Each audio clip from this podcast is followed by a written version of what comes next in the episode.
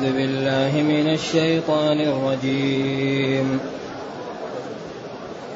لا يستوي القاعدون من المؤمنين غير أولي الضرر والمجاهدون في سبيل الله بأموالهم وأنفسهم.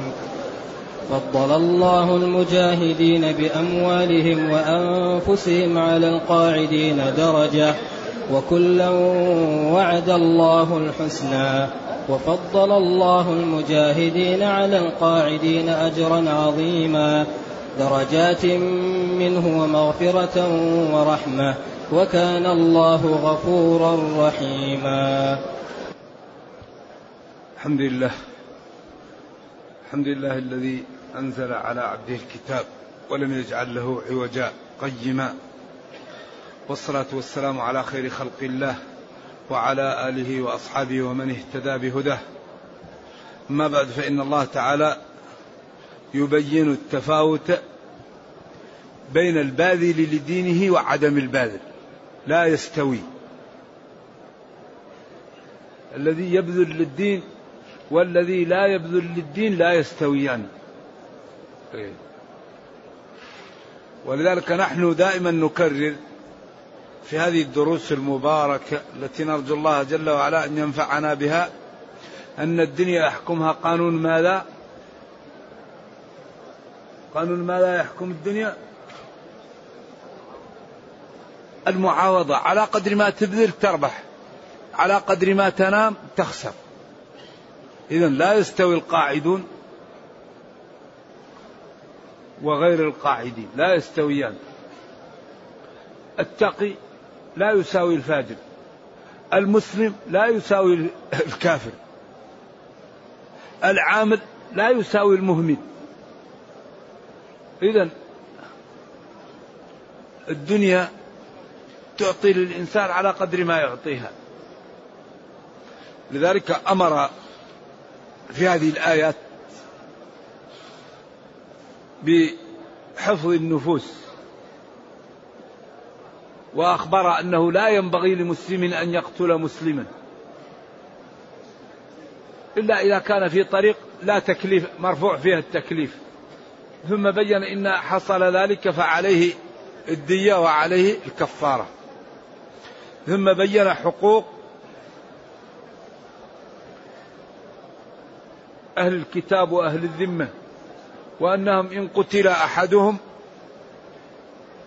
فايضا تعطى لأهله الدية.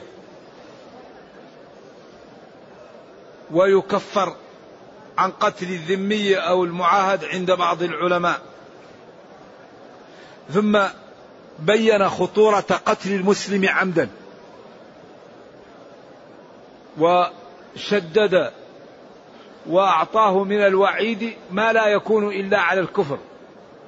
ومن يقتل مؤمنا متعمدا فجزاؤه جهنم خالدا فيها وغضب الله عليه ولعنه وأعد له عذابا وبعدين وصفه بأنه عظيم.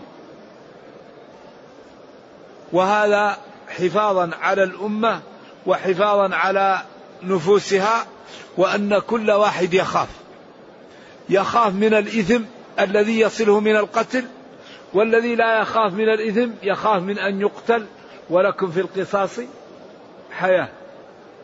إذا حاط النفوس بالسياج عظيم حتى تبقى النفوس سليمة وحتى تبقى من غير أن تأتي عليها الهرج والقتل في بعض. نرجو الله السلام والعافية. ثم أمر بالتأمل والتبين. إذا ضربتم في سبيل الله سافرتم أو ذهبتم في الغزو فتبينوا أو فتثبتوا. تبينوا وتثبتوا بعد الدرس. فتثبتوا أو فتبينوا. ولا تقولوا لمن قال لكم الإسلام وأظهر الدين لست مؤمنا. لا تقولوا ذلك. تريدون ماله. فعند الله الغنى والرزق وعنده لكم. ما هو خير لكم من ذلك؟ كذلك كنتم من قبل. كذلك كنتم من قبل. احتمال مستضعفين. احتمال كفار. احتمال كنتم تخفون ما لا دينكم. أي ما, ما حصل له هو أنتم كنتم قبل مثله. فافهموا وعاملوه بحالتكم السابقة قبل أن يقوى الإسلام. أي كنتم كفارا وآمنتم. هو كان كافر وآمن. كنتم تخفون إيمانكم خوفا من أعدائكم. هو يمكن من قومه. فمن الله عليكم بالإسلام والقوة فتبينوا. يعني هذا تكرير. إن الله كان بما تعملون خبيرا. أي بعملكم أو بالذي تعملونه. ثم بين فضيلة الجهاد وأن القضية تحتاج إلى عمل فقال لا يستوي القاعدون من المؤمنين غير أولي الضرر والمجاهدون في سبيل الله بأموالهم وأنفسهم. لا يستوي. أول ما نزل من الآية لا يستوي القاعدون من المؤمنين والمجاهدون. فكان ابن أم مكتوم جالسا فقال يا رسول الله الرجل الأعمى. فنزل عليه الوحي غير أولي الضرر. إذا الذي يبذل ما هو مثل من لا يبذل. الذي يبيت سهرارا يقوم ويصلي ويتجافى جنبه مضجعه. ما هو مثل الذي يبيت طول الليل نائم؟ الذي إذا رأى منظرا غض بصره ما, ما هو مثل من يحملق في الحرام؟ الذي إذا أراد أن يتكلم رأى أن هذا الكلام لا يجوز الكلام وسكت ما هو مثل من يتكلم ولا يبالي؟ والذي يجاهد بنفسه وماله ليس كمن لا يجاهد. إذا الذي يريد العزة لها طريق. والذي لا يريد العزة لها طريق. إذا ربنا يقول لا يستوي القاعدون. القاعدون جمع قاعد والقاعد ضد الماشي فلان قعد لم يمشي. والقاعد هو الذي جلس ولم يذهب ولم يسافر للجهاد ولم يمشي. بعدين لما قال ابن أم مكتوم ذلك قال غير أولي الضرر والمجاهدون. لا يستوي القاعدون من المؤمنين غير أولي الضرر غير أولي الضرر. كلهم قراءة سبعية. غير يمكن بدل من القاعدون أو والقاعدين غير أولي الضرر تكون استثناء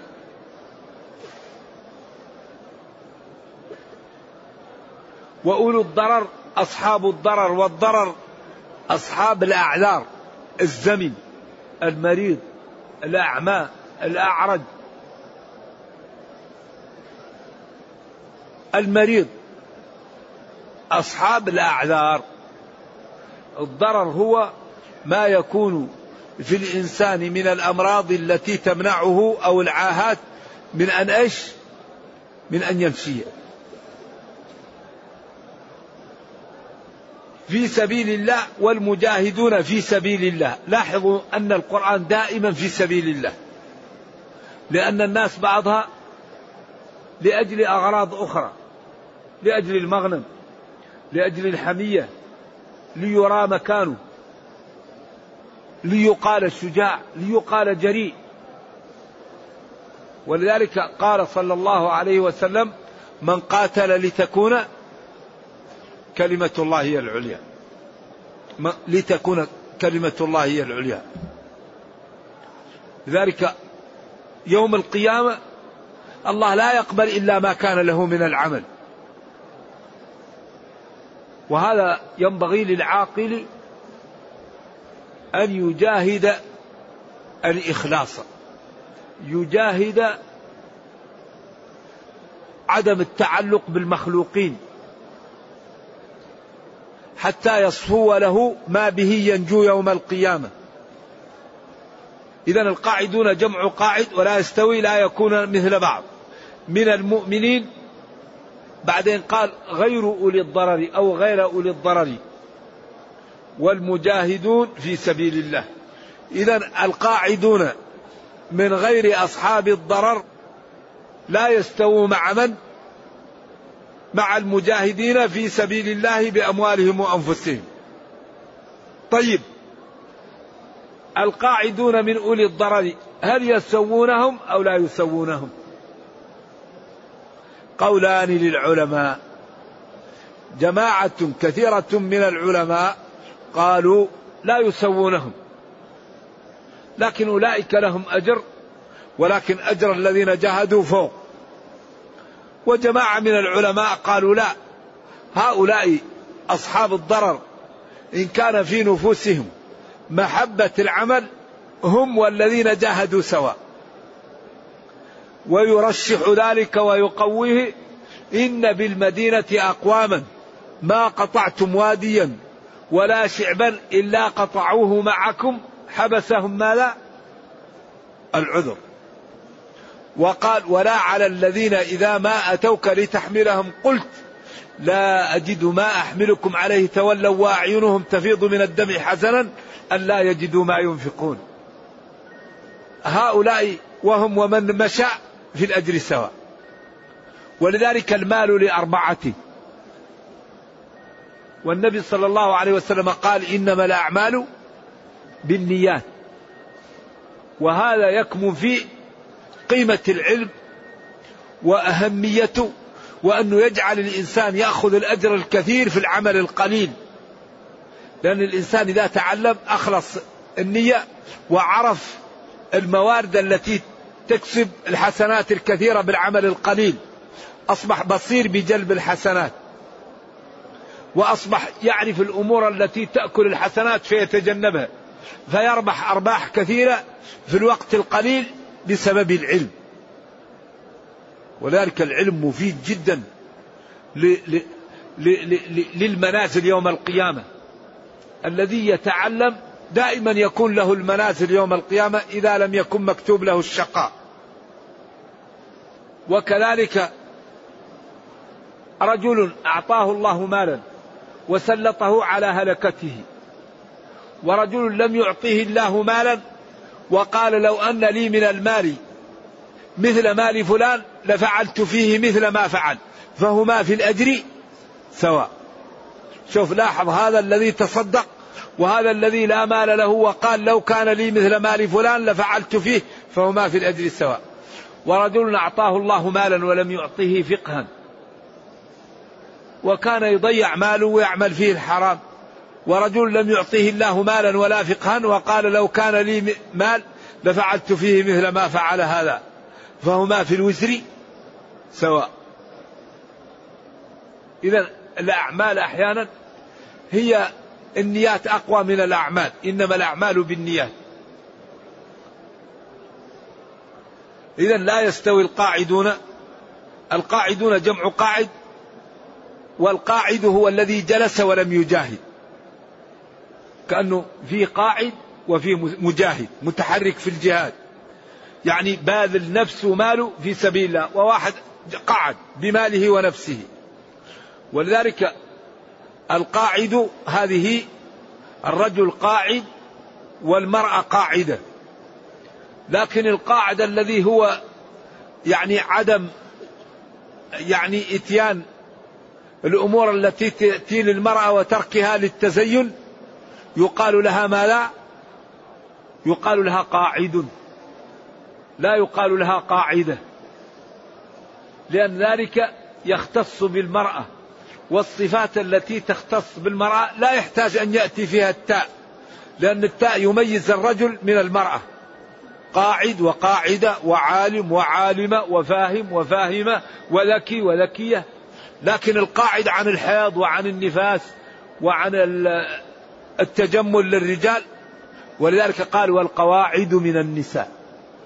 يعني جمع قاعد كما قال حامل وحائل وحائض ومرضع. هذه الصفات التي لا تشترك ما يحتاج أن يأتي فيها التاء لأنها خاصة بالنساء. لذلك هنا هذه القاعدة ليس من ذلك وإن هذه من من جمع قاعد ولذلك المرأة فيها يقال لها قاعدة. غير أولي الضرر والمجاهدون في سبيل الله بأموالهم وأنفسهم. فضل الله المجاهدين بأموالهم وأنفسهم على القاعدين درجة. هنا قيل درجة منزلة في الدنيا. إذا القاعدون من أهل الضرر فضل الله عليهم المجاهدين درجة. وفضل الله المجاهدين بأموالهم وأنفسهم على القاعدين وفضل الله المجاهدين على القاعدين أجرا عظيما درجات منه ومغفرة. هنا اختلف العلماء. قالوا المجاهدون وأصحاب الأعذار في درجة واحدة. والذين تركوا العمل ولم يجاهدوا هؤلاء في الجنة. وكلا وعد الله حسن الجنة. واستدل العلماء على هذا بأن الجهاد فرض كفاية. لأنه لو كان الجهاد فرض عين لما قال وكلا وعد الله الحسنى. كلا من المجاهد وش؟ والقاعد. وفرض الكفاية إذا قام به البعض سقط عن الباقين. ولذلك أكثر ما هو مضعف للأمة في هذا العصر تضييع فروض الكفاية. الأمة الآن أكبر ما تعاني تضييع فروض الكفاية. كثير من فروض الكفاية عند الأمة المسلمة مضيع وهذا من أسباب تقويض الأمة. هذا من أسباب تقويض الأمة وهو تضييع هذا. نعم. فإن ال فإن ال فروض الكفاية إذا ضيعت هذا يسبب للأمة مشاكل كبيرة. ذلك الأمة لا بد أن تكون عندها أطباء وعندها مهندسون وعندها اكتفاء. فإذا احتاجت لغيرها يكون ذلك مشكل. إذا كل الصناعات كل الأعمال هذه فروض كفاية. لا بد أن تكتفي الأمة. فإذا احتاجت الأمة ولم يقم بعضها بذلك يكون ذلك إيش؟ سبب في إثم الجميع. وإذا تأملنا فيما تعاني منه الأمة المسلمة بكاملها أو في كثير من البلدان سببه التقصير في فروض الكفاية. إذا يقول جل وعلا لا يستوي ولا يتعادل القاعدون من المؤمنين من عدم عذر والمجاهدون في سبيل الله بأموالهم وأنفسهم. لاحظوا أن الجهاد دائما يأتي بالمال والنفس. إن الذين آمنوا وهاجروا وجاهدوا بأموالهم وأنفسهم في سبيل الله والذين آووا ونصروا. دائما الجهاد بالمال والنفس. والله قال إن الله اشترى من المؤمنين أنفسهم وأموالهم. وقال أوفوا بعهدي أوفي بعهدكم. فضل الله المجاهدين بأموالهم وأنفسهم على القاعدين درجة. على القاعدين من غير من أهل من غير أهل الأعذار. أو من أصحاب الأعذار. وكلا وعد الله الحسنى. وكلا من المجاهد والقاعد وأصحاب الأعذار وعده الله الحسنى. الجميع له الجنة. كما قال جل وعلا ثم أورثنا الكتاب الذين اصطفينا من عبادنا. فمنهم ظالم لنفسه ومنهم مقتصد ومنهم سابق بالخيرات بإذن الله. قال العلماء حق لتلك الواو أن تكتب بماء الذهب. جنات عدن يدخلونها. قال بعض العلماء حق لهذه الواو أن تكتب بماء الذهب. يدخلونها. الثلاثة. وقالوا قدم الظالم لنفسه لكي لا يقنط. وأخر السابق للخيرات لكي لا يغتر بعمله فيحبط. شوف الظالم قدمه حتى لا يقنط من رحمة الله. ثم أرى الكتاب الذين اصطفينا من عبادنا فمنهم ظالم لنفسه ومنهم مقتصد ومنهم سابق بالخيرات. فقدم الظالم لنفسه لكي لا يقنط من, من رحمة الله وأخر السابق لكي لا يغتر بعمله فيحبط. ثم قال للثلاثة جنات عدن يدخلونها. فقالوا هذه الواو تكتب بماء الذهب لأنها جمعت هذه الطوائف. وفضل الله المجاهدين على القاعدين أجرا عظيما. هذا وفضل الله المجاهدين على القاعدين من غير أصحاب الأعذار أجرا عظيما. درجات منه دمع درجة ومغفرة ورحمة. قالوا هذه درجات الجنة. قالوا الجهاد درجة الصوم درجة. الصدقة درجة. إذا فضل الله المجاهدين على القاعدين درجات. قيل هناك درجة هي في الدنيا ودرجات يوم القيامة وهي منازل الجنة. إذا الذين يبذلون أنفسهم وأموالهم في سبيل الله تعالى هؤلاء منازل منازلهم عالية جدا جدا جدا. فضلهم على الذين لا يبذلون ذلك بمنازل درجات كثيرة جدا. ولذلك هؤلاء في الغرف يروا كما نرى يراهم أهل الجنة كما يروا أهل الأرض الآن الكواكب بعيد. لذلك الله بين لنا أن الدنيا يحكمها قانون المعاوضة. أوفوا بعهدي أوفي بعهدكم. الذي يبذل ينال الأرباح الذي ينام يخسر. من الغريب أن الكفار علموا من ظاهر الحياة الدنيا أن بالعمل يتقووا في الدنيا. لذلك الله قال يعلمون ظاهرا ولم يكن قبل ذلك إلا الروم. ألف لام ميم غلبت الروم إلى أن قال يعلمون ظاهرا من الحياة الدنيا. فهم علموا أن الصدق يقوي الدنيا أن الاهتمام بالعقول يقوي الدنيا أن الاهتمام بالمصالح يقوي الدنيا أن الاهتمام بالاستشارة يقوي الدنيا أن عدم الغش يقوي الدنيا أن عدم الظلم يقوي الدنيا أن تطبيق الأنظمة يقوي الدنيا.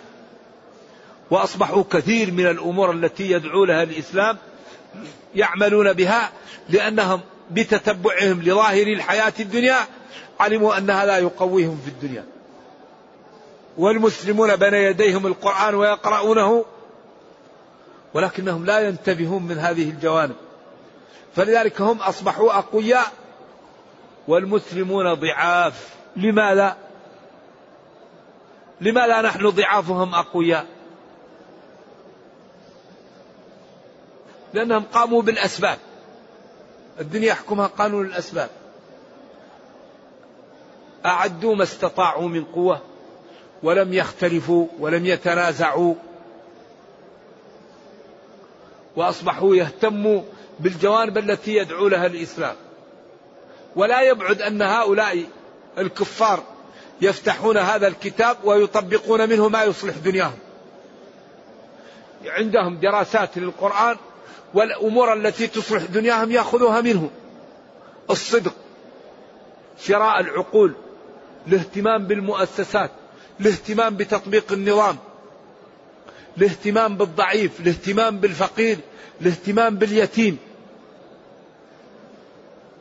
أصبحوا أقوياء والأمة المسلمة ضعيفة. إذا يقول جل وعلا وفضل الله المجاهدين جمع مجاهد على القاعدين جمع قاعد أجرا عظيما. هذا أجرا عظيما درجات منه يمكن بدل منها. ومغفرة من الله تعالى ورحمة وكان الله غفورا لذنوب عباده رحيما بهم. إذا هذا الكلام وهذا الأسلوب يعطينا أن شرعنا أمرنا بأن نمتثل ديننا ونجتنب نواهي ربنا فإننا إن فعلنا ذلك واستقمنا الله يحمينا وينصرنا ويعزنا. نعم. وأن الذين يبذلون للدين درجاتهم ومنازلهم أعلى من الذين لا يبذلون. وأن أصحاب الأعذار معذورون ومنازلهم عالية كمنازل أهل الجهاد إذا كانت قلوبهم صادقة وكانوا يحبون العمل ولم يمنعهم إلا إيش؟ إلا العذر. لذلك المسلم إذا سافر يكتب له عمله المسلم إذا مرض يكتب له عمله. لذلك ينبغي للمسلم أن يصلح نيته. لأن النية إذا صلحت يكتب لك أعمال كثيرة بالنية. أما إفساد النية فهذا يفسد العمل ويفسد و الجوانب القلبية تحتاج إلى مكابدة وتأمل حتى تصلح. لأن هناك معوقات يعني تمنع من الإخلاص. هذه المعوقات خطيرة من جملتها ما هي المعوقات؟ أكبر معوق الشيطان. الشيطان يعدكم الفقر ويأمركم بالفحشاء. الشيطان يأتي بالشبهة. الشيطان يأتي بالشهوة. الشيطان يأتيك بالرياء. الشيطان يسوف لك. الشيطان ينزغ بينك وبين أحبتك. قل لعبادي يقول التي هي أحسن. إن الشيطان ينزغ بينهم. لذلك من أكبر أسباب التعويق الشيطان. ولذلك قال فبعزتك لأغوينهم أجمعين. وقال فلآتينهم من بين أيديهم ومن خلفهم وعن أيمانهم وعن شمائلهم ولا تجد أكثرهم شاكرين. حتى قال ربنا ولقد صدق عليهم إبليس ظنه. فاتبعوه إلا فريقا من المؤمنين. إذا من أسباب التعويق عن هذا السفر وهذا السير الشيطان. ويلبس لكل واحد على قدر عقله وبيئته ويعرف مكامن الضعف في الناس. الذي يحب الشهوة يأتيه بالشهوة والذي يحب المال يأتيه بالمال والذي يحب السمعة يأتيه بالسمعة. كل واحد يأتيه من الجانب الضعيف. وهو متسلط علينا. ولكن العلاج منه هو أن الله تعالى يكثر من ذكر الله والاستعاذة بالله منه. وإما ينزغنك من الشيطان نزغ استعذ بالله. وقال إن عبادي ليس لك عليهم سلطان. المتقون إن شاء الله لا, لا سلطان للشيطان عليهم. إذا هذا من أكبر أسباب المعوقات. السبب الثاني النفس. النفس معوقة عن السير إلى الله. إن النفس لأمارة بالسوء. وآفة العقل الهوى. فمن علا على هواه عقله فقد نجا. فينبغي للمسلم أن يعود نفسه على الطاعة ويصبرها عليها. ويترك المعاصي وأعراض الناس والرياء والربا ويوطد نفسه على؟ على الإخلاص. المعوق الثالث هو المال. المال أمر عجيب. إذا امتلأ قلب الإنسان من محبة المال لا يجد طعم للحياة. أعاذنا الله وإياكم من أن تكون الدنيا في قلوبنا. لأن الذي تمتلئ قلبه من محبة الدنيا لا يجد طمأنينة ولا يجد خشوع ولا يجد راحة للنوم لأنه خلاص قلبه امتلأ من الدنيا فكل ما زادت كل ما امتلأ قلبه من محبتها مثل ال... الذي يشرب الماء المالح كل ما شرب كل ما زاد ظمأ عطشا فلذلك إذا امتلأ قلب الإنسان من المال سرق ورابى وظلم اليتيم وظلم الضعيف وظلم الأخ وظلم الجيران وأصبح همه المال. لا يفكر إلا في المال مثل الإنسان المجنون. يريد مليون تأتيه مليون يريد بليون. يجيه بليون يريد تريليون. خلاص ما له علاج؟ نرجو الله السلام والعافية. ولذلك الإنسان إما مكنز وإما مستهلك. المكنز لا يكفيه مال أهل الأرض والمستهلك لا يكفيه مال أهل الأرض. إذا الغناء عن الشيء لا به وأسعد الناس من أعطاه الله. وش؟ القناعة وأعطاه الكفاف. لذلك من أكبر أسباب المعوقات هو المال. المعوق الأخير هو الناس. شياطين الإنس. يأتيك ويقول لك فلان قال فيك وفلان قال لك. فتغضب. فتغتاب. وقد تضرب. وقد تقطع الرحم. ولذلك شياطين الإنس يوحي إليهم شياطين الجن ويتعاونون فيوبق الإنسان. وأشد شيطان الإنس من شيطان الجن. لأن شيطان الجن تستعيذ بالله منه. شيطان الإنس هذا ما له إلا أن تقابل الإساءة بالإحسان.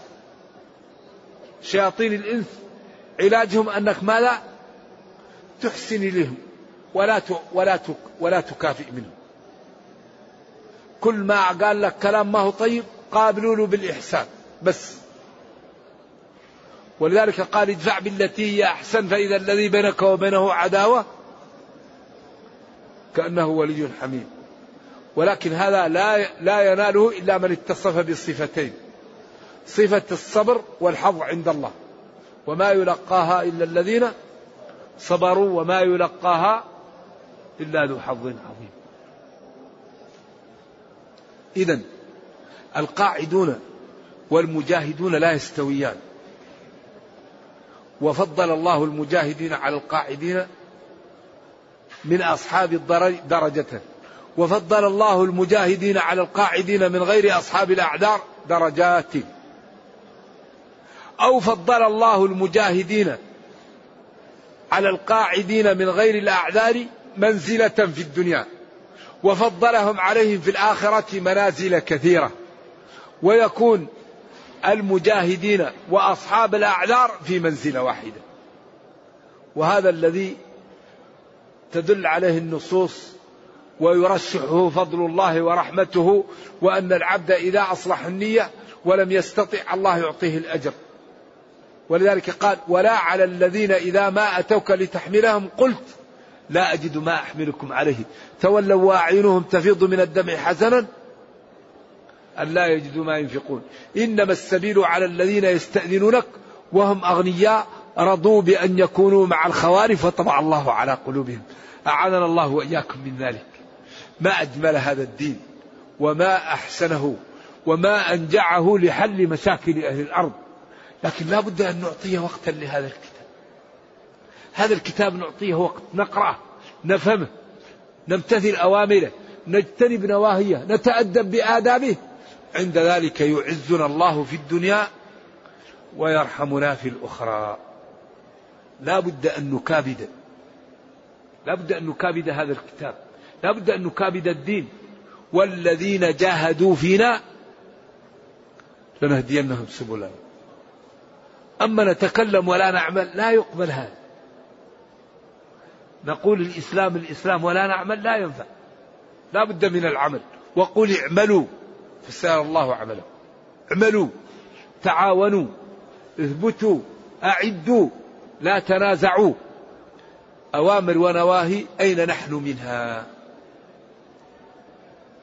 إذا ما تعيشه الأمة باختصار شديد سببه عدم القيام بالأسباب.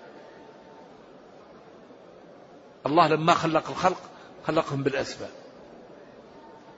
إذا عدم القيام بالأسباب هو الذي قوض الأمة وضعفها. فإذا قمنا بالأسباب طبعا قوينا. ولذلك ربنا يقول إن الله لا يغير ما بقوم حتى يغيروا ما بأنفسهم. نرجو الله جل وعلا أن يرفع هذه الأمة وأن يعزها. وأن يوحد صفوفها ويقوي شوكتها وأن يرد عنها كيد أعدائها. اللهم أرنا الحق حقا وارزقنا اتباعه وأرنا الباطل باطلا وارزقنا اجتنابه وأن لا تجعل الأمر ملتبسا علينا فنضل. ربنا أتنا في الدنيا حسنة وفي الآخرة حسنة وقنا عذاب النار. اللهم إنا نسألك من خير ما سألك منه محمد صلى الله عليه وسلم ونعوذ بك من شر ما استعاذك منه محمد صلى الله عليه وسلم. اللهم إنا نسألك الجنة اللهم إنا نسألك الجنة اللهم إنا نسألك الجنة اللهم إنا نعوذ بك من النار اللهم إنا نعوذ بك من النار اللهم إنا نعوذ بك من النار. سبحان ربك رب العزة عما يصفون وسلام على المرسلين والحمد لله رب العالمين والسلام عليكم ورحمة الله وبركاته.